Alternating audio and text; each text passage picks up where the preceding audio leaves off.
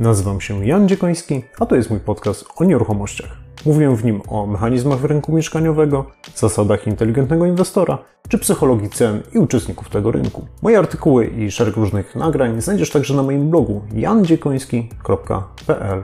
Jeżeli jesteś profesjonalistą i żyjesz z rynku nieruchomości, to zapraszam Ciebie także na mój serwis analityczny fltr.pl, gdzie razem z zespołem dzielimy się analizami i doradztwem dla uczestników naszego rynku.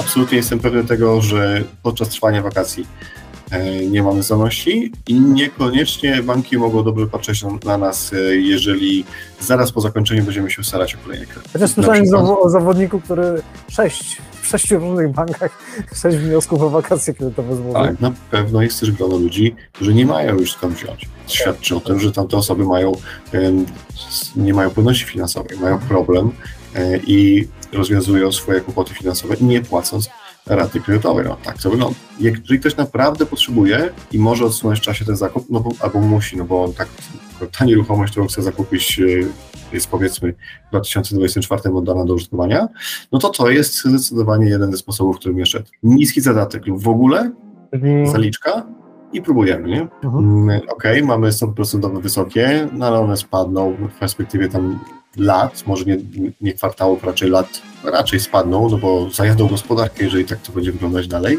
Zbywców jest coraz więcej nieruchomości, kupujących coraz mniej, czyli i mamy mm, ym, możliwość y, zakupu tańszej nieruchomości lub przebierać w tych, które są w obecnych cenach. To są świetne czasy dla kupujących, a będą jeszcze lepsze.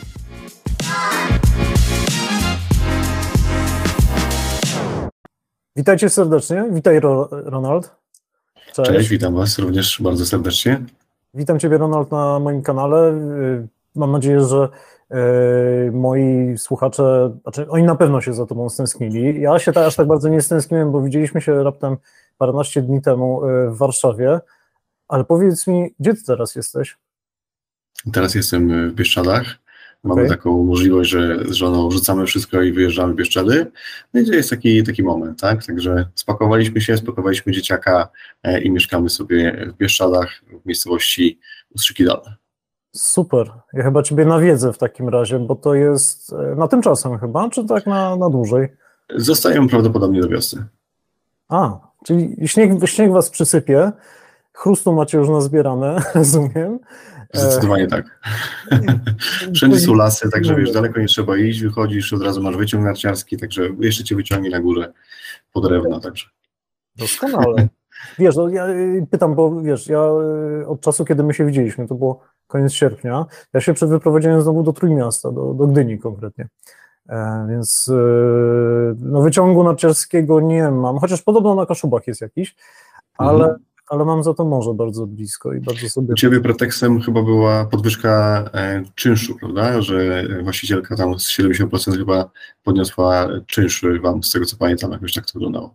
Tak, a czyli zaproponowała faktycznie taką zmianę, ale y, no powiedzmy, że ona trochę przestrzeliła i no, że mogliśmy spokojnie zostać w Warszawie i jakby znaleźć sobie inne mieszkanie na wynajem, ale za mną od lat chodziło właśnie takie y, spróbowanie, jak to jest mieszkanie w Trójmieście. No i mimo wszystko brak tej kotwicy w postaci, wiesz, mieszkania. e, Dziecka. Najlepiej z mieszkania z kredytem dziecka też przy okazji, ale Oczywiście. brak naj- tej, tej dużej kotwicy, tej ciężkiej kotwicy, która wiele osób blokuje, y, pozwolił mi faktycznie to wdrożyć. Więc na razie na miesiąc tutaj do Trójmiasta Kibicuję, jak najbardziej. no, wynajmę coś na Airbnb, potem zobaczymy jakby czy coś ciekawego znajdziemy na rynku.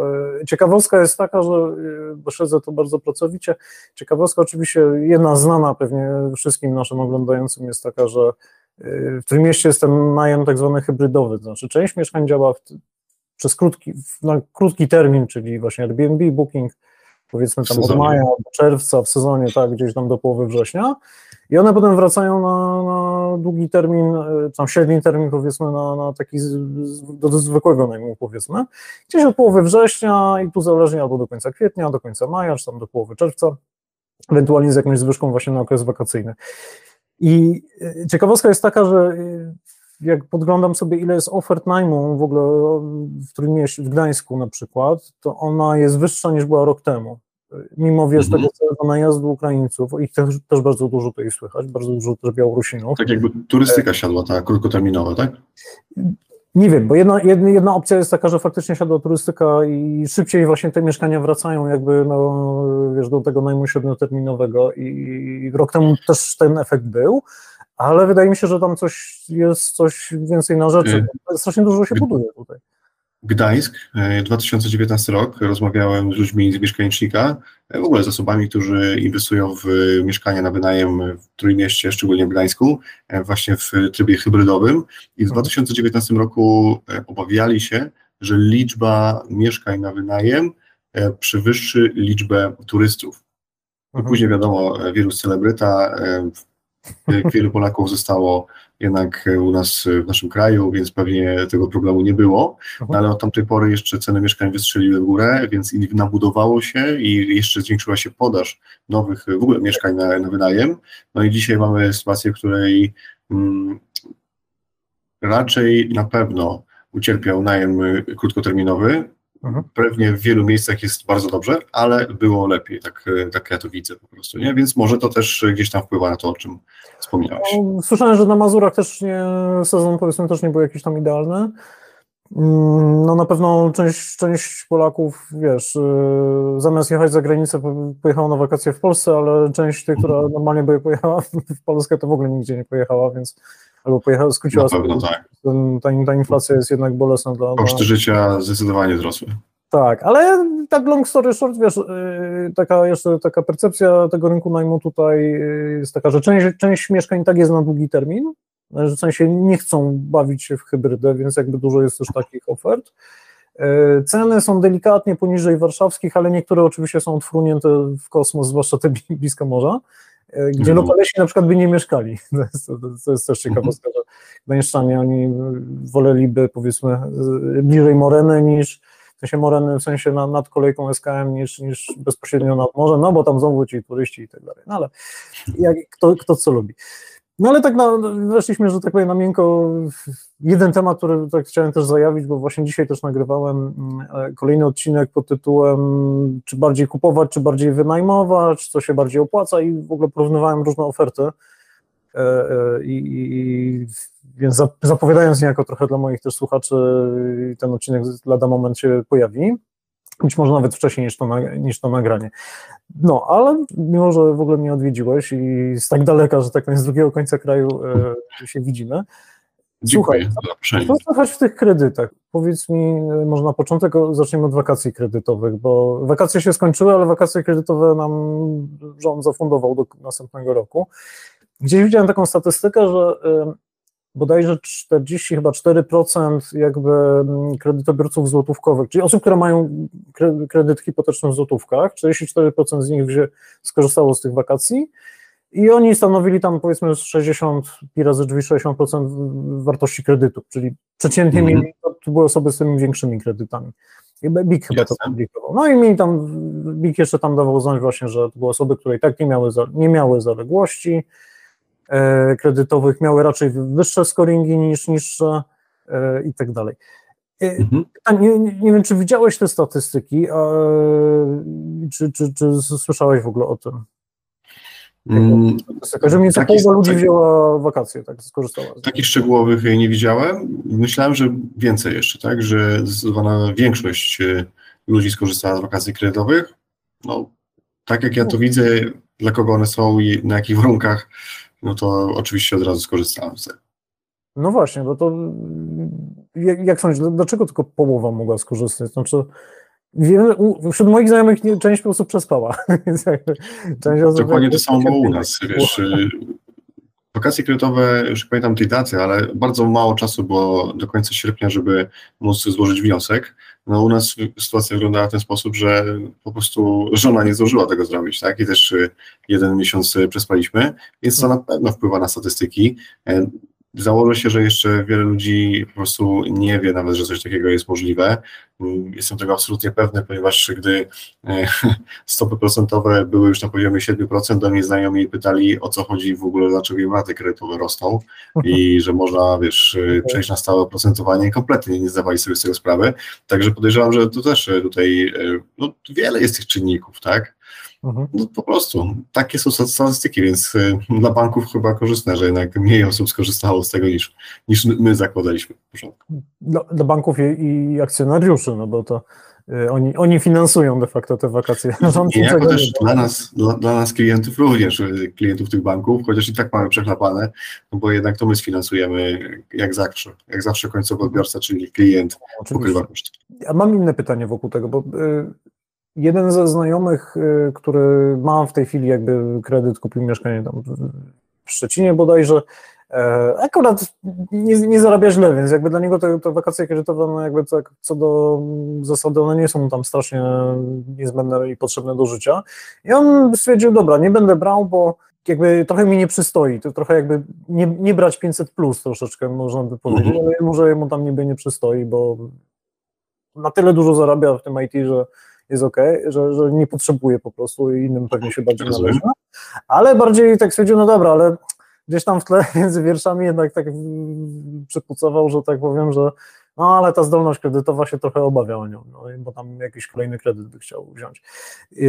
No i pytanie, jak, jak, jak czujesz, czy, czy banki wbrew temu, co zapowiadają, czy oni będą w jakikolwiek sposób jakby brały pod uwagę te wakacje kredytowe, mówimy o dwóch ważnych rzeczach. Pierwsza rzecz jest taka, jak banki podejdą e, do tego, że ktoś skorzystał z wakacji kredytowych i stara się o następny kredyt.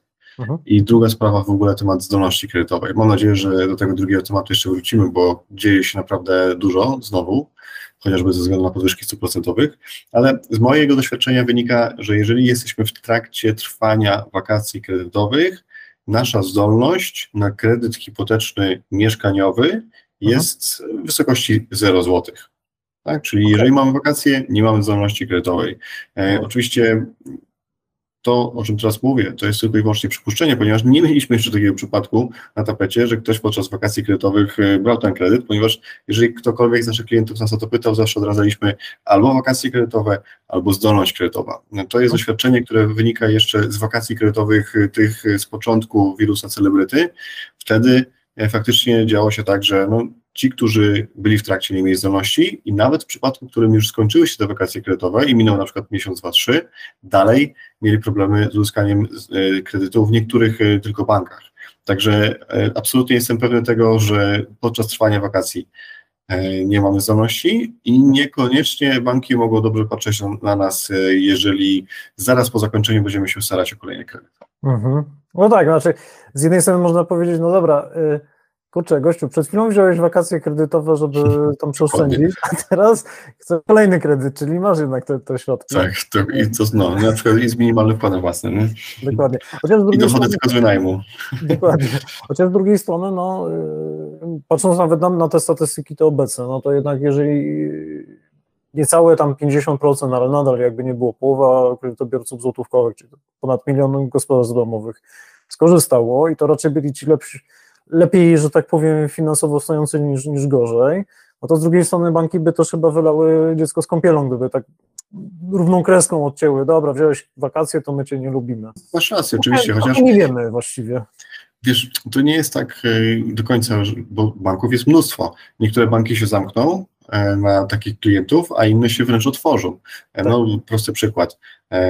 Pierwszy lockdown, banki nie wiedziały, co dalej się dzieje, skróciły bardzo okresy otwarcia placówek, więc bardzo ciężko było w ogóle dostać, dostać się do banku fizycznie, złożyć wniosek kredytowy bezpośrednio banku. Przez pośredników to trochę lepiej działało, takich jak my, jak RM Kredyty. Natomiast no, zmierzam do tego, że wiele banków dało po prostu jakby czerwone światło dla kredytów hipotecznych. Mhm. A banki takie jak na przykład Alior Bank, Millennium Bank, e, z tego co pamiętam wtedy mówiły, ok, wszyscy mówią nie, to my mówimy tak, zapraszamy do nas po e, klientów hipotecznych. No i widzisz, i zgarnęły bardzo duży tort e, z rynku wtedy, więc jeżeli byłoby faktycznie tak, że wiele banków by teraz też nie dawało, no to zawsze się trafi właśnie ten przysłowiowy Alior Bank, czy kiedyś Getin Bank, który też takich klientów bardzo lubił. Znaczy z moich doświadczeń właśnie kredytowych, a to zaraz zapytam właśnie o tą zdolność, e, ale z takich doświadczeń kredytowych i osoby, z którą ja, ja pracowałem jakby przy pozyskiwaniu kredytów jakby albo do moich inwestycji, albo do jakichś refinansów, czy tam innych ruchów, które robiłem, no to było zawsze tak, że e, Pani Ania konkretnie, Pani Ania jest doskonała, ale nie będę jej robił reklamy, bo to będzie kontrreklama dla Ciebie, ale e, Pani Ania zawsze miała ogarnięte, a to tak, w tym miesiącu to tutaj PKO y, zaczęli patrzeć tylko w KPIR-kę i mają w nosie, w jakiej walucie masz te dochody, a ja na przykład miałem w euro. Y, mhm. Przez jakiś tam, przez jakiś okres czasu. A tam w, te, w, tamtym innym banku, no to tutaj jakoś inaczej patrzą na powołanie do zarządu i, i tak dalej. Więc jakby rozumiem, że tam, wiesz, te polityki tam pewnie się mocno zmieniają i co jakiś czas ktoś akurat ma to, taką fajną konfigurację tych warunków kredytowych, żeby akurat się strzelić, tylko trzeba je znać. Mhm. Zdecydowanie.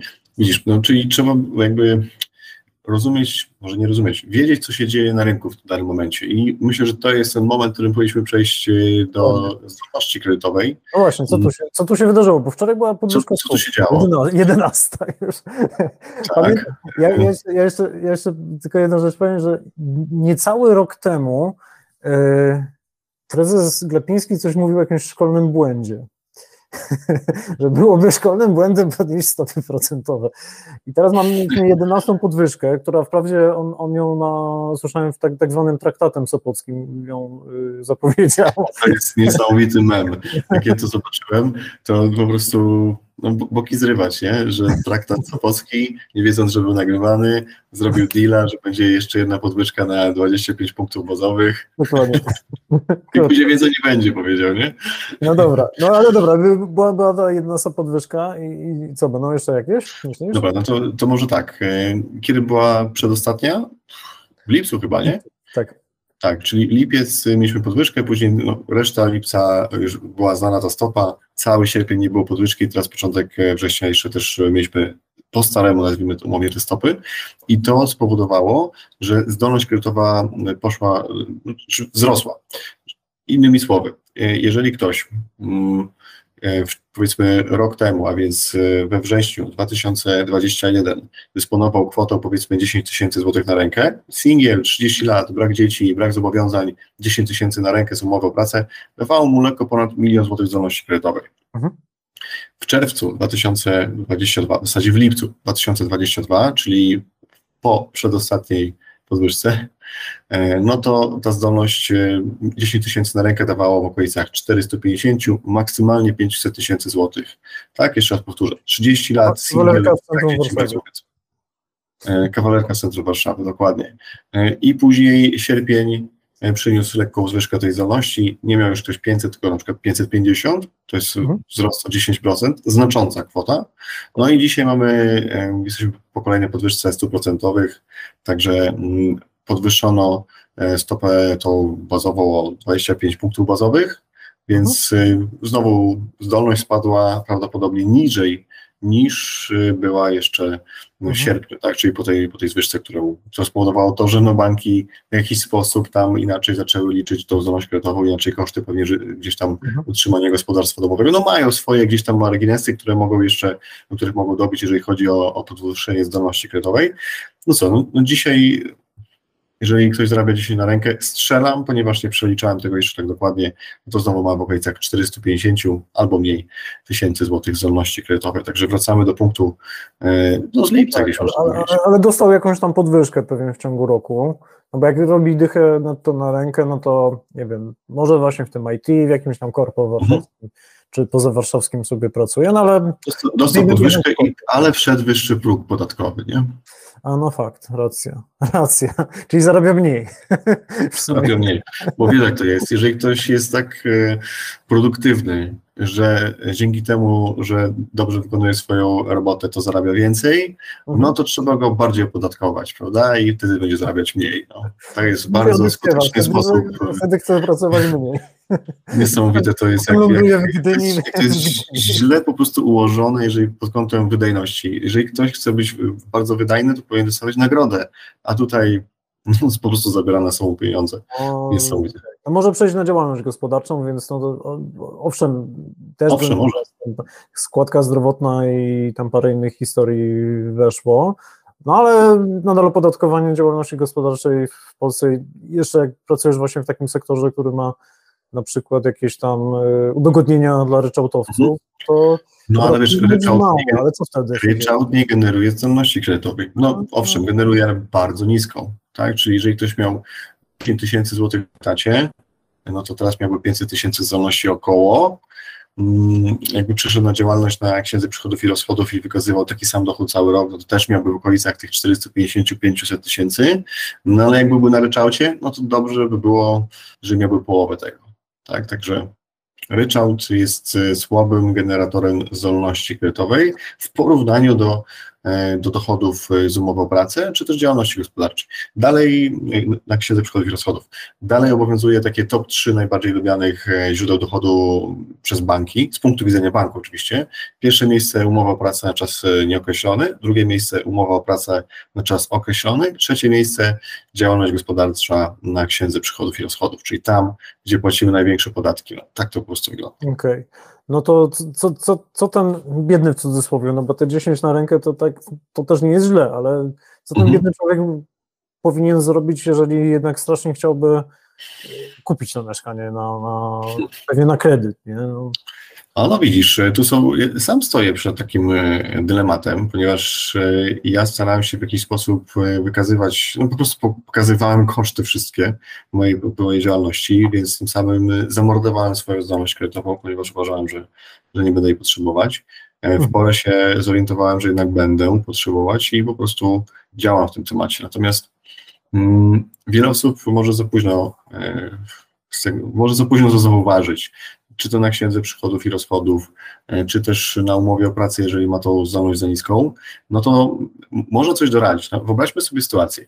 Deweloper, tak, kupujemy na rynku pierwotnym, chce nam Mhm. sprzedać nieruchomość.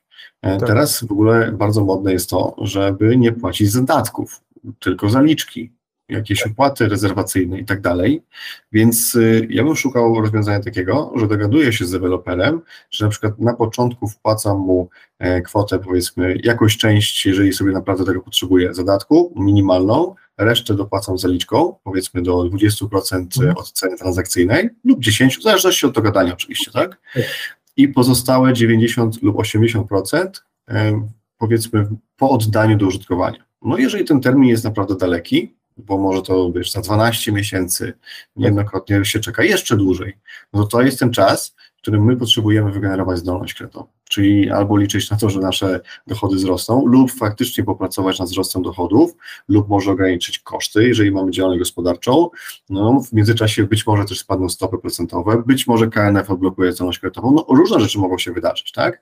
Także jeżeli ktoś naprawdę potrzebuje i może odsunąć w czasie ten zakup, no bo, albo musi, no bo tak, akurat ta nieruchomość, którą chce zakupić, yy, jest powiedzmy w 2024 oddana do użytkowania, no to to jest zdecydowanie jeden ze sposobów, którym szedł, którym ja bym szedł. Niski zadatek lub w ogóle czyli, zaliczka i próbujemy, nie? czyli teraz machamy do deweloperów i biur sprzedaży, żeby trochę się zastanowili w jaki sposób, mm, w sensie yy, w jaki sposób ewentualnie uszyć produkt nie tylko pod tytułem tu są ściany, okna, drzwi i w ogóle, ale też finansowanie. To znaczy, dam ci takie warunki, powiedzmy, płatnościowe, żebyś ty miał jakby trochę czas i przestrzeń na to, żeby faktycznie sobie tutaj podziałać nad zdolnością, ewentualnie zwiększenie wkładu własnego, ewentualnie tam czymś innym, żeby, e, żeby jak to mieszkanie już będzie gotowe, żeby tobie już wszystko poszło jakby spłatka. To szczególnie może dobrze zadziałać na klientów, którzy chcą kupić domki jednorodzinne, no bo tam jest jednak pogrom, może pogrom to słowo, no naprawdę spory spadek sprzedaży, liczby transakcji, e, zakup, rynek pierwotny, domy jednorodzinne i tak dalej, E, więc jeżeli dewelopera stać na to, żeby dokończyć budowę z własnych środków, a chciałby sprzedać już teraz, y, no to myślę, że to jest, to może być strzał w dziesiątkę, tak, no bo jednak większość osób kupowała te domy jednorodzinne w kredycie, to jest właśnie ten Mhm. E, ten, ten klient e, na, na domki to był głównie kredytowy, tam, także tam jest naprawdę duża zapaść. Jakby tak wyjść z takim sloganem, Dzisiaj zaliczka 10%, kredyt y, za dwa lata, pierwsze lata kredytu za dwa lata, no kto wie, no myślę, że to mogłoby, mi, mi to też podsunął jeden z deweloperów w ogóle, ale nie, nie rozwiązanie gotowe, tylko informacje, że nie, nie, my żadnego zadatku nie potrzebujemy, tylko 5 tysięcy umowy rezerwacyjnej. Tak, znaczy wiesz, Czasy nie, ogóle, ogarnięci deweloperzy domków jednorodzinnych, którzy mm, jakby czuli pismo nosem, że wcale nie będzie tak super, jak to wielu twierdziło, no tylko przygotowali jakiś tam scenariusz B, gdyby tam jednak y, klient kredytowy zniknął, no to mają z reguły tak poukładaną tą inwestycję, żeby ze swojego kredytu deweloperskiego i swojego wkładu własnego być w stanie dojechać praktycznie do końca budowy. Bo drugą opcją właśnie na te domy, bo faktycznie ja słyszałem o pogromie akurat w sprzedaży, jednak to faktycznie jest pogrom No tak jest, tak jest, tak. to no to wiesz, zimna krew, spokojnie, ja sobie tutaj buduję. Jak już te domy są prawie gotowe albo są gotowe, no to też inaczej się sprzedaje, zwłaszcza domy. Oczywiście. Mieszkanie, Tak mieszkanie łatwiej sobie troszeczkę wyobrazić co i jak, poza tym tam no, nie ma takich cudów, a, a w domu jednak to się też inaczej czuje, jak się już tam wejdzie, popatrzy na ogródek i tak dalej, więc e, okej, też ale się, to roz... poczekaj, poczekaj, No. tu mi się też pojawia ciekawe zagadnienie, no bo jednak słychać o tym, y, moja siostra jest notariuszem i mówi, że widziała już akty notarialne podpisane przez klientów, y, tam kupna sprzedaży nieruchomości na rynku pierwotnym, że lokal będzie oddany do użytkowania kiedyś tam, ale może być indeksacja ceny, bo jeżeli koszty budowy wzrosną i tak dalej. Także ja nie widzę tego zupełnie od strony powiedzmy finansowania pod kątem kredytu mieszkaniowego. No bo wyobraźmy sobie sytuację, że my potrzebujemy 300 tysięcy złotych e, kredytu i tyle mamy tam, zdolności mamy 350, no i co, i nagle się okazuje, że deweloper zmienia cenę na 400, ale my nie mamy tej zdolności kredytowej więcej, więc y, automatycznie załamuje się transakcja, jeżeli my nie możemy dopłacić, więc widzę tutaj od razu ban dla takich inwestycji mm, wśród banków. E, Także jeżeli macie gdzieś tam z tyłu głowy, że chcielibyście kupić nieruchomość i może być te w umowie zapisy o indeksacji ceny, to pamiętajcie, że to nie idzie w parze z finansowaniem kredytem mieszkaniowym. Nie jestem prawnikiem, ale nie, nie dam głowy, czy aby to nie jest troszeczkę abuzywna klauzula y, tej indeksacji cen. Możliwe, chyba W umowach deweloperskich jakby co do zasady chyba nie, nie, nie, nie można takiej indeksacji wprowadzać, ale może ktoś sprytny albo troszeczkę tak narympał, to przeprowadza. No, czasy trochę są faktycznie trudne, więc y, ja trochę rozumiem, że na przykład w segmencie budowlanym jest faktycznie tak, że na przykład firmy budowlane mówią, no dobra, nasza usługa będzie kosztowała XYZ i jakby tu się nic nie zmieni, poza jakimiś robotami dodatkowymi, no ale materiały są osobno i jakby my nie, nie kwotujemy w ogóle materiałów, no bo faktycznie one potrafią skakać góra-dół, nie wiem, pręty stalowe żebrowane wystrzeliły w trakcie wojny, potem spadły do poziomu przedwojennego i to tak konkretnie i w ostatnim tygodniu znowu tam pyknęły do góry, więc jakby to niestety Tak, lata. zmienność, ogromna zmienność, dokładnie. Ja słyszałem jedną ciekawostkę, to ci powiem, zapomniałem sobie powiedzieć. No, Dzielę się ze znajomym, który robi taki land development. To w sumie też taka fajna działalność, no bo oni nie budują, nie bawią się w sprzedawanie, wiesz, dla klienta detalicznego, tylko wiesz, biorą grunt, wy- wyklepują te wszystkie papiery, walczą z tym urzędem, jak już jest gotowe, to sprzedają. W każdym razie, no, znowu jego znajomy mówi, że normalnie jak na szkoleniach miał po 50-60 chłopa, to teraz organizował miał 6 no. osób. Nie? Co prawda pewnie tych najbardziej takich, co faktycznie po tym szkoleniu Działają. pójdą coś budować, nie, nie działają, a nie tam słuchają tylko, ale, ale to pokazuje trochę, wiesz, skalę Oczywiście, że tak. zmiany? Okej, ale to jest rozwiązanie na rynek pierwotny, no a co na rynku Mhm. wtórnym? A w tym rynku wtórnym Co zrobisz? No, jeżeli zbywca nie, nie podejmie rękawicy i nie powie na przykład, że ok, możesz sobie mieszkać tutaj przez rok, e, czyli wyobrażamy sobie sytuację, w której ktoś chce kupić, zbywca chce sprzedać, ale ma duży problem, no bo wtedy ja to widzę, że ktoś pójdzie tak komuś na rękę, tak? Czyli mówimy do zbywcy, słuchaj, wpłacam 10 tysięcy, 10% zadatku lub zaliczki, no kwestia do dogadania się, mieszkam w tym mieszkaniu przez rok, normalnie wynajmuję je od ciebie za ustaloną kwotę i po roku dopłacam pozostałe 90%. I Mhm. znowu w tym czasie budujemy zdolność kredytową lub liczymy na, na jakieś zmiany korzystne dla nas. No, najlepiej jedno i drugie. Działać aktywnie trzeba w tym temacie. To może być rozwiązanie. No. Słyszałem o takich transakcji i to, to już to nie ja wymyśliłem, to mi właśnie podsumował jeden z pośredników nieruchomości, że taką transakcję właśnie w ten sposób e, domknie, no bo tak się dogadali zbywca z kupującym. No tak, znaczy to wy- wymaga pewnie hmm, z jednej strony do zaufania pewnie od jednej od drugiej strony. Dobre akty notarialne, wiesz, jakieś zapisy, no nie, no to, to można zrobić. To Tak, ale jeżeli- spokojnie można zabezpieczyć. Sta, starszej pani po, po 70 pewnie nie, namówisz na taki manewr, bo na tym Nie sądzę. dożyje. nie sądzę. E, Kogoś, kto się śpieszy, no to znowu też jakby Tak, tak. To musi być specyficzny klient, e, zdecydowanie, tak. To ktoś, tak. W kategorii może nawet nie anegdot, ale po prostu zasłyszanych, no to albo z pierwszej, albo z drugiej ręki, no to ostatnio częściej słyszę o sytuacjach na zasadzie ktoś coś sprzedaje, na przykład kamienica w, nie wiem, w Katowicach, ktoś położył zadatek i to zadatek, nie zaliczkę, y, na kamienicę, czyli to nie jest tam 5 tysięcy złotych jednak. Mhm. E, No i radośnie pomaszerował do banku, żeby pozyskać kredyt, no i niestety dupa, nie ma. E, Tym bardziej, że wiadomo, to był kredyt raczej inwestycyjny, czyli na trochę jeszcze gorszych parametrach, ale też słyszałem o mieszkaniach, które yy, nie wiem, trzeciego kredytobiorcy już, że tak powiem, przemieliło takie mieszkanie i trzeci już z negatem jest. No i teraz Mhm. pytanie, czy do sprzedających myślę, że już zacz- zaczyna, czy jeszcze Docierać? Właściwie Mhm. docierać, że sytuacja jest kiepska, przynajmniej wśród kre- klientów kredytowych. Dobrze, odpowiem za to, na pytanie za chwilę. Jeszcze warto, kończąc już temat, co zrobić, jeżeli my mamy problem z tą zdolnością, no to pamiętajcie, że zawsze jednak, e, jeżeli mamy różne źródła dochodu, niekoniecznie tylko i wyłącznie umowę o pracę, to w jednym banku możemy je zdążyć na 500, w innym na przykład 550, a w innym na 350. Mhm. Także zdecydowanie trzeba wiedzieć, gdzie uderzyć do którego banku z naszymi konkretnymi dochodami. Mhm. To jest jakby taka, już y, kończąc w ogóle ten temat zdolności kredytowej, trzeba rozumieć, jakie możliwości maksymalnie daje nasze źródło dochodu Ale i jak je wykorzystać. Okej, ale to chyba najlepiej A, Rozumiem. Najlepszy bank to chyba ten no, no, premiera, y, ekspremiera Kaczyńskiego chyba, bo on teraz takie kredyty na 2% za, za, za, zapowiedział. No, jeżeli wejdą, jeżeli zdąży to wprowadzić, na te, no, Ale, to, ale to jak? To myślisz, że wszyscy byśmy dostali ale wiesz, no, y, pan prezes Kaczyński też powiedział y, w jakimś wywiadzie, że euro jest po 3 zł, także A, a, a. Rozumiem, czyli to nie, nie, nie kredyty i nie na 2%, tylko na 8%. Znaczy, To- niech to, wprowadza, niech to wprowadzą i ciekawe, który bank. y, Znaczy nie, to będą, jeżeli by to było, to na pewno z jakimiś dopłatami, coś jak kiedyś Rodzina na swoim, czy podobny program.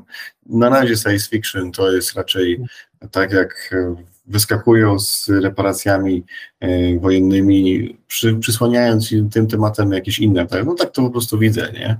Więc y, wróćmy do twojego pytania. Trzeba Ja tutaj- 800 hektarów od Czechów, żeby odebrać. Ale dobra, No nie, nie, nie, robiąc szerszych dyskusji, yy, Przypomnij mi. E, te- też jestem zdania, że trzeba ten, trzeba poczekać, aż zobaczymy jakieś konkretne rozwiązanie. Yy, Czy zadać pytanie, czy zbywcy y, czują, że jest mniej transakcji na rynku Tak, i tak dalej? Tak, i czy wiesz, taki zbywca, który już trzy razy mu tam ten kupujący. Muszą czuć to. Absolutnie to czują. Jestem tego absolutnie pewny. Jeden z powodów. Najwięcej nieruchomości było sprzedawanych w kredycie. Rok temu w lipcu e, było uruchomionych e, 24 tysiące umów kredytowych, także każda jedna umowa to była co najmniej jedna transakcja. Niejednokrotnie były sytuacje, że ktoś posiadał nieruchomość, sprzedawał ją komuś w kredycie i później kupował za, za gotówkę kolejną nieruchomość, czyli niby kupował za gotówkę, a naprawdę była transakcja gotów, e, kredytowa. multiplikowało jeszcze. Dokładnie. Więc 24 tysiące transakcji było w lipcu takich e, hipotecznych, w samym lipcu 2021. W lipcu 2022 mieliśmy tylko 9 tysięcy takich transakcji, a więc 15 tysięcy mniej.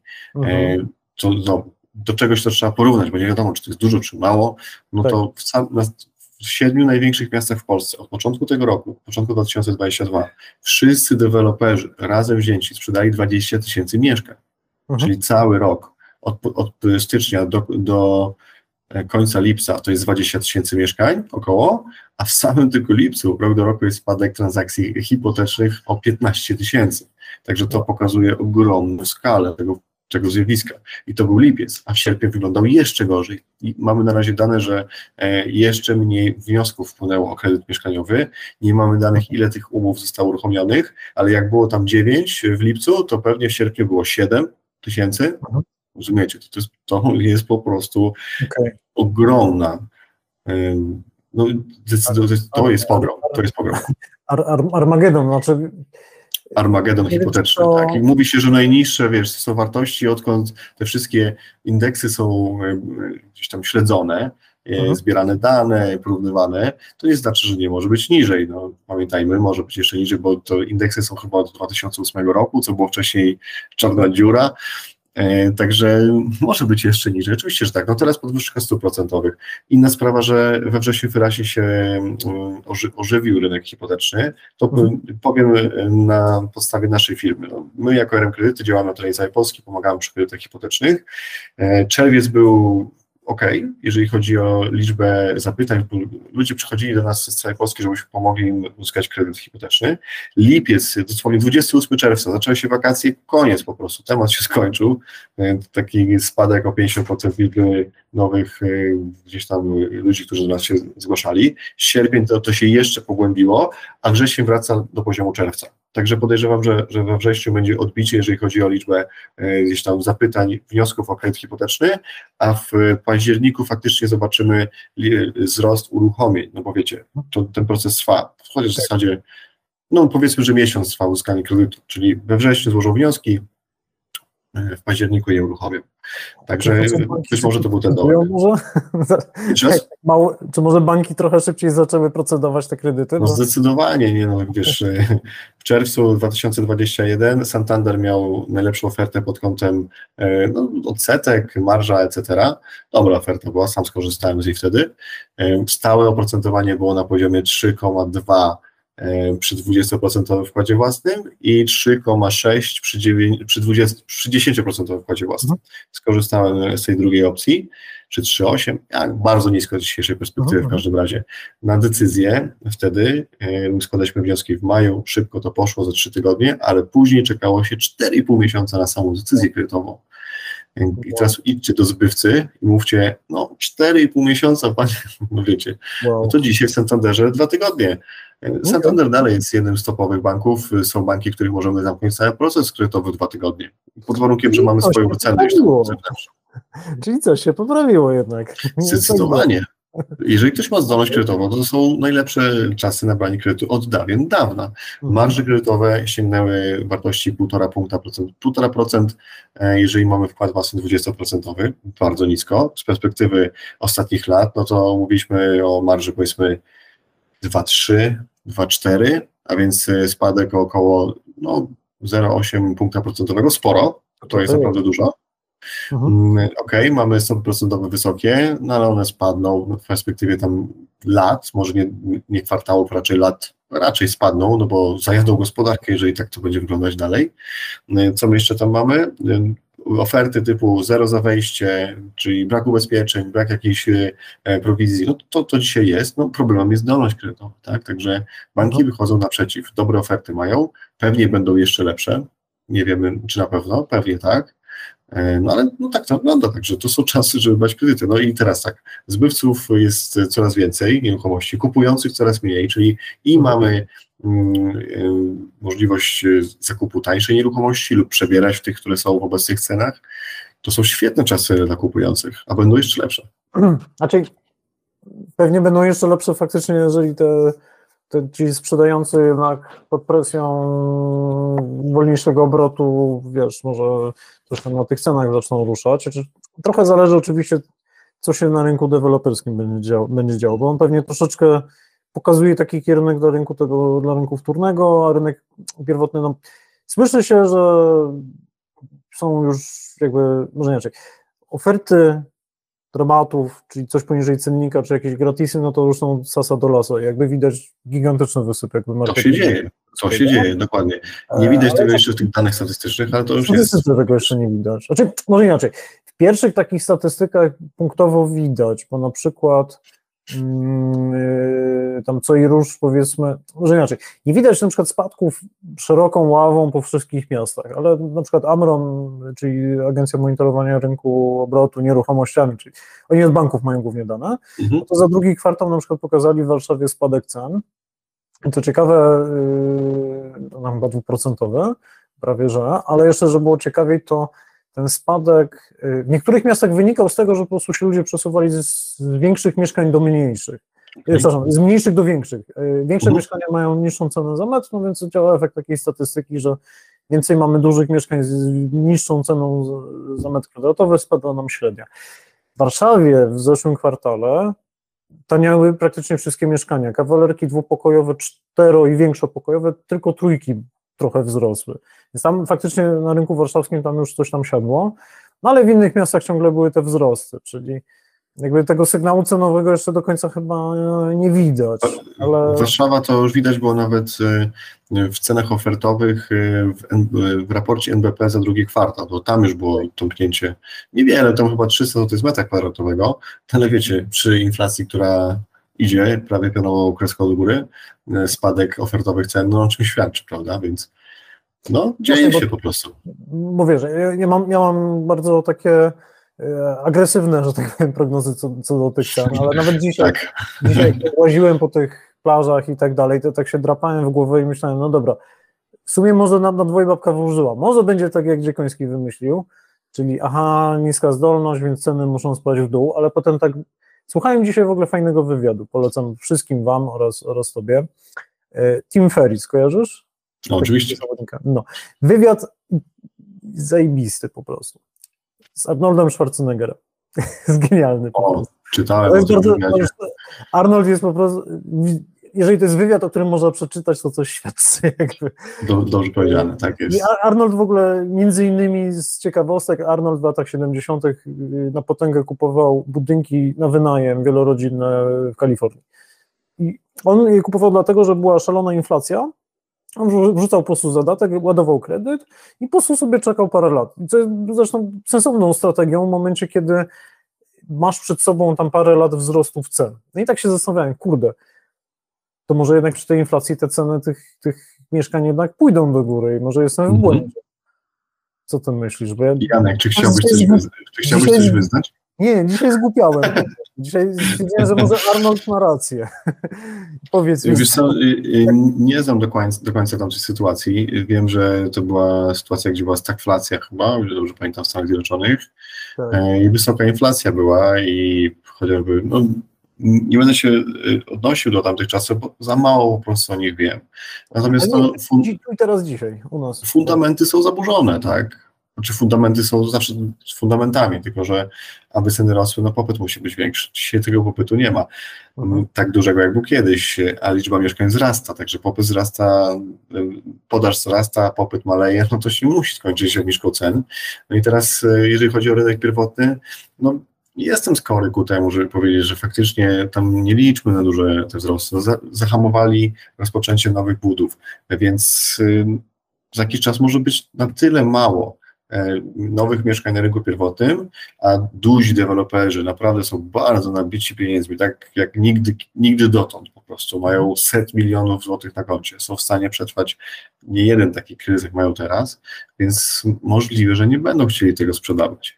Także ja bardziej myślę kategoriami, mm, co się wydarzyć może na rynku wtórnym. Tak jak z samochodami, powiedzmy, ok, nowe auto nie stanieje, ale roczne dalej jest w świetnym stanie i jest tak do, samo dobre jak, jak nowe, ale już jest, już jest używane, tak? Więc tam e, bym się doszukiwał raczej e, tych spadków z różnych względów, tak? E, Mhm. Mówiliśmy już naprawdę wiele o tym i u Ciebie na kanale, i u mnie na kanale, ale jeden najważniejszy, no, spadek liczby transakcji przy podniesionej liczbie e, nowych, czy nie nowych, tylko przy wię- zwiększonej liczbie mieszkań na sprzedaż, czyli podaż rośnie, popyt e, może jest duży, ale liczba transakcji zdecydowanie zmalała. No to fundamenty są jasne, skłaniają się ku spadkom. No. A pytanie, już tak powoli zmierzając pewnie do końca, bo tam wiele punktów już jakby e, dotknęliśmy jakby wokół, wokół jakby rynku nieruchomości, ale na tle kredytów, no bo u nas jakby Mhm. nie da się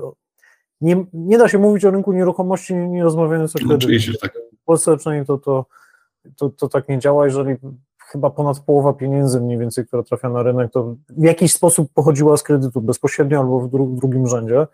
Więc jakby ewidentnie ten rynek jest, jest częściowo napędzany kredytem. To pytanie, ci, którzy już mają kredyty, jest chyba 3 miliony, 3 miliony aktywnych kredytów jest bodajże zło- złotowych, eurowych i frankowych i tam jeszcze jakieś jeny były po drodze i jakieś inne historie. E, Pytanie, czy, czy słychać albo nawet już masz z pierwszej ręki nawet jakieś tam doświadczenia o tym, że mm, jakby te, te rosnące raty kredytów zaczęły powiedzmy ludzi przygniatać i zaczynają się jakieś tam problemy i zatory płatnicze. To jest taki, jest takie, nie, nie wiem czy mit, ale przynajmniej takie przeświadczenie, że no Polak to sobie, wiesz, od, od, od ust odejmie, ale ten, tą ratę zapłaci. E, I nie Mhm. wiem, widać, że coś No, się zmienia? Czy tak? Janek, Janek patrzę w tym momencie, jestem na stronie e, media.big.pl, łamane na analizy rynkowe i mam tak, udział kredytów opóźnionych, czyli kredytów, których ktoś nie spłaca raty o czasie, tak? A więc e, analizy rynkowe, BIG, portfel kredytobiorców, typy kredytów mieszkaniowe, e, udział kredytów opóźnionych, niebieska linia, udział opóźnień powyżej 30 dni, Mhm. y, i gra- granatowa, czyli ta ciemniejsza, udział opóźnień powyżej 90 dni. Także dno mieliśmy powiedzmy mm, pod koniec 2021 roku i od tamtej pory rośnie liczba osób, która nie spłaca swoje kredyty. I zobaczcie, no najpierw było tych osób 2,5% ze wszystkich, y, z całego ogółu wszystkich y, umów, teraz jest 2,8% e, przy udziale powyżej dziewię- 90 dni. Natomiast przy 30 było 3% wszystkich umów e, łącznie, a teraz jest 3,4%. No i okej, ktoś może powiedzieć, co to jest, e, wiesz, tam 40, nie? Tak, tak, 0,4%. No ale jeżeli weźmiemy pod uwagę liczbę tych wszystkich umów, wszystkich, wszystkich, no to się okaże, że to jest 100 tysięcy 100 tysięcy kredytów. dokładnie, jest zagrożonych. Nie? I jeżeli te osoby poznają, że żeby chcą się pozbyć e, z problemu sprzedając nieruchomość, oczywiście nie wszystkie i tak dalej, ale część z tych osób to zrobi, tak? Niech, niech wpłynie na rynek 20 tysięcy mieszkań. To jest dużo, naprawdę sporo. Więc y, tu widać po tym wykresie, widzicie taką pionową linię, to też trzeba brać poprawkę na to, że różnie można przedstawić te same dane. No, widać wyraźny wzrost. To nie jest jeszcze takie załamanie i tak dalej, ale jest, tak? Zadałeś pytanie, czy to widać? Tak, widać. Mhm, Tak jest. A czy ja wiesz, nawet tak per, per anegdota, jeszcze nam parę tygodni temu odwiedzałem znajomych, którzy mm, kupili, słuchaj, to nie w zeszłym roku, kupili ponad 5 lat temu dom pod Warszawą, e, pod, pod Kowolnośną. E, Mhm. No i e, wiesz, 2018 czy tam 17 to, to nie, nie był okres, kiedy tam ceny były jakieś zwariowane i ludzie robili jakieś dziwne rzeczy na, na tym rynku nieruchomości. Kupili w miarę po normalnej cenie ten, tenże dom. Sami nie zarabiają źle, można powiedzieć. Yy, Jedna osoba ma dość pewne dochody, bo tam powiedzmy powiązane gdzieś tam z, z budżetówką, jak to się mówi, druga osoba pracująca w korpo. Yy, No i słuchaj, po tych podwyżkach stóp po prostu już tak jest, zrobiło się ciasno, nie? I, a, to nie a to nie była sytuacja, że Tak. ktoś popuścił, tam zaszalał z tą nieruchomością albo yy, ktoś mało zarabia, jak druga osoba straciła pracę. Nie, no jakby jest business as usual i już się przestało spinać, że tak powiem.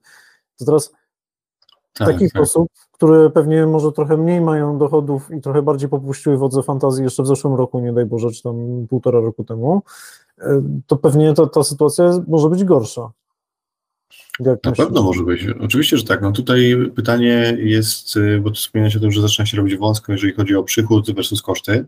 No po prostu może tych pieniędzy brakować, więc pytanie, jak y, dużą mają poduszkę e, gdzieś tam finansową te osoby, czyli jaki mają zasięg tego, że im się budżet po prostu co miesiąc nie spina, między innymi z powodu kredytu.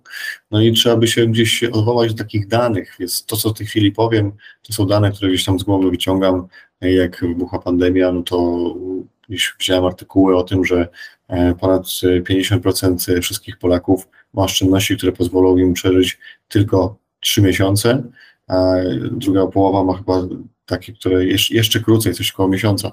Mówię, to, to nie są wiarygodne dane, bo ja to z głowy wyciągam, tak? Ale Mhm. gdzieś mi tak zostało, że no nie jest zbyt dobrze, jeżeli chodzi o te oszczędności. Nie, du, grono ludzi ma duże oszczędności, że przetrwają i lata całe, tak? Tak. E, I dobrze zarządzają swoim kapitałem i tak dalej. Mm, Wiele osób ma możliwości takie, że im się budżet nie spina, mają wyzerowane konto, ale mają rodziców albo kogoś innego, albo biorą wakacje kredytowe i tak dalej. Natomiast na pewno jest też grono ludzi, którzy nie mają już skąd wziąć, którzy mają problem z ratą. To to, to widzę, no, no te, te umowy, tak? No, jeżeli ja miałbym możliwość zapłaty raty kredytu, e, to dlaczego miałbym go nie płacić już ponad 90 dni? Nie, to świadczy o tym, że tamte osoby mają, nie mają płynności finansowej, mają problem e, i rozwiązują swoje kłopoty finansowe, nie płacąc raty kredytowej. No, tak to wygląda. Okej.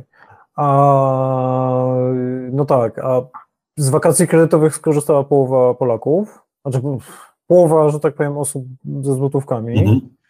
Albo no, część oczywiście mogła przespać, albo część celowo nie wzięła ze względu na zdolność, część nie mogła, bo nieruchomość jest akurat na cele inne niż mieszkaniowe. Chociaż słyszałem zawo- o zawodniku, który sześć, w sześciu różnych bankach sześć wniosków o wakacje kredytowe złożył. Tak, dzwonili do mnie też klienci, pytali, czy, czy tak można robić. Powiedziałem, że nie wiem, czy zapytać jakieś interpretacje kogoś, prawników. Powiedzieli, że, że będą, będą próbować, no zobaczymy. Znaczy ustawa to traktuje jako przestępstwo, więc okej. Co prawda, wiesz, no, y, nie jest zdefiniowany cel mie- mieszkaniowy, więc tam wystarczy dość kreatywnie podejść powiedzmy do takiej... Dokładnie tak. To jest ta, ten, ta, ta furtka jakby, tak, o której punkt zaczepienia, że w momencie uruchomienia kredytu musiał to być cel mieszkaniowy.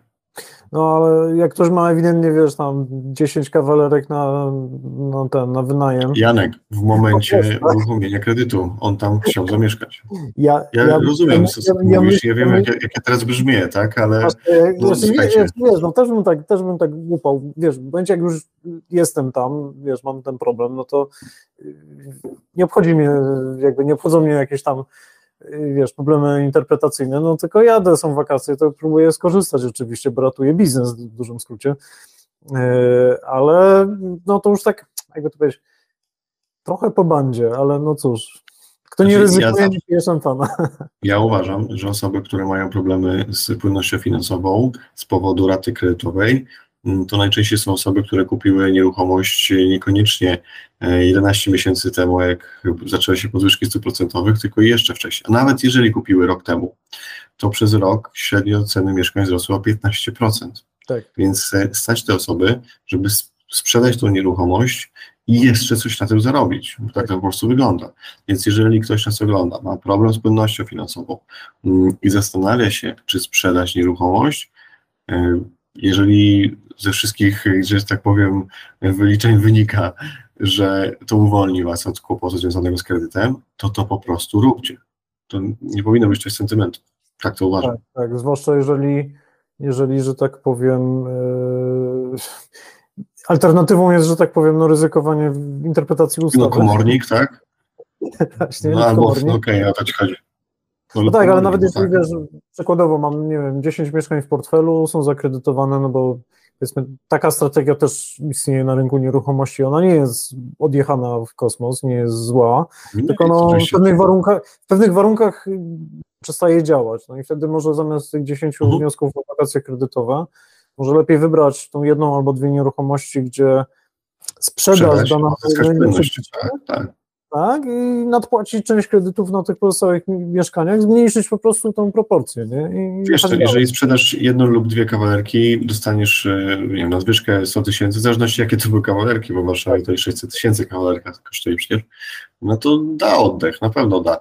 To są, y, to są skrajne przypadki, gdzie ktoś ma 10 kredytów hipotecznych. E, Mhm. Osobiście e, wraz z moim zespołem pomagaliśmy do, do 8, potrafiliśmy dojść, nie było z tym większych e, kłopotów, pod warunkiem, że ktoś od początku działał według konkretnego planu działania. Trzeba było, e, znaczy no to już była wi- wirtuozja kredytowa, że tak powiem, naprawdę wyższa szkoła, e, że tak powiem, zarządzania m, swoją zdolnością kredytową w działaniach konsolidowania kredytów. co banki mają w ofercie, które, które banki co lubią, czego nie lubią, Tak. to było do zrealizowania. E, i te inwestycje, które ludzie, bo to są ludzie, którzy w ten sposób działali, to nie byli ludzie z przypadku. To byli ludzie, Mhm. którzy świadomie rozumieli, dlaczego potrzebują tyle kredytów i każda z tych nieruchomości nie była e, ad hoc brana z ulicy, tylko dobrze przeliczona, dobrze przeliczone ROI i tak dalej. I już przy czwartym, piątym kredycie wkłady własne były na poziomie 30-40% i te osoby miały pieniądze na te wkłady własne, nie, to nie były osoby z łapanki, więc od tych klientów jestem akurat bardzo spokojny. Więc jeżeli ktoś doszedł do 10, no zejdźmy na ziemię, 8, 7 kawalerek, to też były osoby, które dobrze em, planowały swój biznes i od takiego sposobu ap- osoby jestem absolutnie spokojny. Jestem niespokojny osoby, moich znajomych, którzy kompletnie nie wiedzieli na co, o co kaman, y, kupowali mieszkania w kredycie, budowali domy w kredycie i dzwonili do mnie, jak e, WIBOR był już 6,5%, dlaczego im rata rośnie. No, Nie, brali kredytów ze mną, żeby była jasność. E, Gdzieś swoimi ścieżkami uzyskiwali te finansowanie, a odzywali się do mnie, ponieważ wiedzieli, że ja robię w kredytach. No i no to wiesz, jeżeli oni nie rozumieją, dlaczego im rata rośnie, to są jakieś kompletne podstawy w ogóle, prawda? Więc y, tu jestem o takie osoby się martwię i myślę, że to one głównie stanowią grono tych osób, te, tych wzrostów No, y, z płacenia rat. Wakacje kredytowe pewnie no, będą jakąś tam ulgą dla, dla tych osób. No, Ja myślę, że na, na koniec tak. my, się zaraz zorientujemy, że problem gdzie indziej wybucha. Mamy udział kredytów zagrożonych y, w portfelu, łącznie bankowym całym. To, co ty przed chwilą pokazywałeś, no to, to był jakby blend wszystkich różnych kredytów, no ale tutaj ewidentnie Mhm. od, od y, już ponad roku jakby to, co głównie rośnie, to są kredyty frankowe. Tutaj no głównie umocnienie franka jakby tutaj no, Franek jest prawie za piątkę. Znaczy, w Tak zeszłym jest. miesiącu tak o, dotykał tej piątki. No i te podwyżki 100%, które u nas w Polsce mają miejsce, no to one też między innymi mają trochę przeciwdziałać osłabieniu złotówki oczywiście, bo, bo to też jest z tym powiązane. E, Problem jest taki, że w, w- jakby w, w szwajcarski bank centralny też zaczął podnosić stopy procentowe, więc już, już nie są ujemne. Czy tam są, Minimalnie, ale jednak tak. Mhm. Tak. no ale dzisiaj też mieliśmy podwyżkę o, o 75 punktów bazowych y, w Europejskim Banku Centralnym. O, No to i nie wiedziałem. no właśnie, i tutaj też, ja, miałem, ja kiedyś miałem kredyt eurowy, no bo frankowe były popularne do, do 2008, no i potem w ich miejsce eurowe wjechały. E, Na szczęście tego Tak eurowe było. Pozbyłem dawno temu na szczęście, e, więc y, co do zasady był dla mnie korzystny, można tak powiedzieć. Natomiast ten, kto został z kredytem eurowym, trochę ich tam siedzi w tym portfelu, no to dzisiaj ma euro tam prawie pod piątkę, plus już, tak powiem, powoli pozytywną ratę, no bo we franku czy w euro dla wielu osób ratunkiem było to, że tam były ujemne stopy, no więc jakby Tak, marginem ujemne. tego, że to, Mhm. tak to było tam, nawet jak się płaciło więcej tej raty, no to to był głównie kapitał przynajmniej, jest to jakieś tam pocieszenie, ale Mhm. Teraz jakby mamy znowu tą podwójną falę ciosu, nie dość, że słabą złotówkę, to jeszcze zaczynają tam stopy rosnąć, więc ja też się obawiam, że, że właśnie w tym obszarze rynku gdzieś tam może coś wybuchnąć, a tam żadnych wakacji kredytowych już nie było. No więc, Tak, w ogóle większość z tych kredytów y, była udzielona w banku Getin Noble Bank. Z tego co pamiętam, on ma największy udział y, w kredytach frankowych i największy udział też w kredytach frankowych zagrożonych. Getin miał bardzo specyficzną y, politykę gdzieś tam działania, chociaż y, pamiętajcie, no nie mam na to dowodu, to są gdzieś tam moje przemyślenia, żeby mnie tutaj nikt z Getinu zaraz nie do słówka, bo nie jestem tego pewny. Mm, No tak, także ale patrz na inną, inną ciekawostkę. Yy, W zeszłym kwartale dwa razy więcej udzielono kredytów eurowych niż rok wcześniej. Mm, Po prostu, może inaczej. Yy, Spadły pewnie głównie złotówkowe, a eurowych, eurowe dalej są udzielane, no bo jeżeli ktoś ma dochody w euro, no to łatwiej będzie mu zaciągnąć jednak kredyt eurowy, no więc ponownie jest jakiś taki mikrorenesans, ale taki bardzo, bardzo e, niewielki. No dobra, Yy, słuchaj, Ronald, bardzo serdecznie dziękuję za ciekawą rozmowę. W sumie rozmawialiśmy ciekawa. o niczym, ale jednocześnie wydaje mi się, że wyszła, stała się bardzo ciekawa i mam nadzieję, że naszym, naszym widzom też się y, bardzo, bardzo spodobała. nieustawiana rozmowa po prostu. To, Płynęliśmy. Totalnie. I to Wyszło, Tak wyszło bardzo fajnie, więc y, mam nadzieję, że będzie Ci tam ciepło w tych Bieszczadach przede wszystkim. Ja mam nadzieję, że będzie zimno i dużo śniegu. Także No tego tak. Ale na, nazbieraj chrustu i tam pamiętaj, żeby tym chem tam dobrze. Mamy pompę ciepła. O, Już się orientowałem, bo w bloku mieszkamy. A, w bloku, okej, no to już może faktycznie nie trzeba tego, tego mchu, ale chrustu nigdy, nigdy, nigdy nie, zebra, nie zabraknie. Ja wybrałem Trójmiasto, bo zimy podobno są tu łagodne, więc może też jakoś przetrwam, ale no, w każdym razie, w każdym razie super rozmowa. Mam nadzieję, że wielu osobom, które się zastanawiają właśnie, aha, kurczę, muszę zmienić mieszkanie, czy tam dom, bo rodzina mi się powiększyła, no więc było, nie było, coś muszę zrobić, no to jakieś pomysły faktycznie fajne podrzuciłeś. E, niektóre osoby się może borykają z tymi ciężarami tych kredytów, więc może popatrzą trochę inaczej na tą perspektywę. Więc e, super, super. Mi się bardzo Dziękuję za zaproszenie jeszcze raz. No i do usłyszenia. Baw się tam dobrze. Pozdrawiam serdecznie z nadmorza. Przesyłam ciepłe pozdrowienia w Bieszczady. Dziękuję. Do zobaczenia. Cześć. Trzymajcie się. Cześć.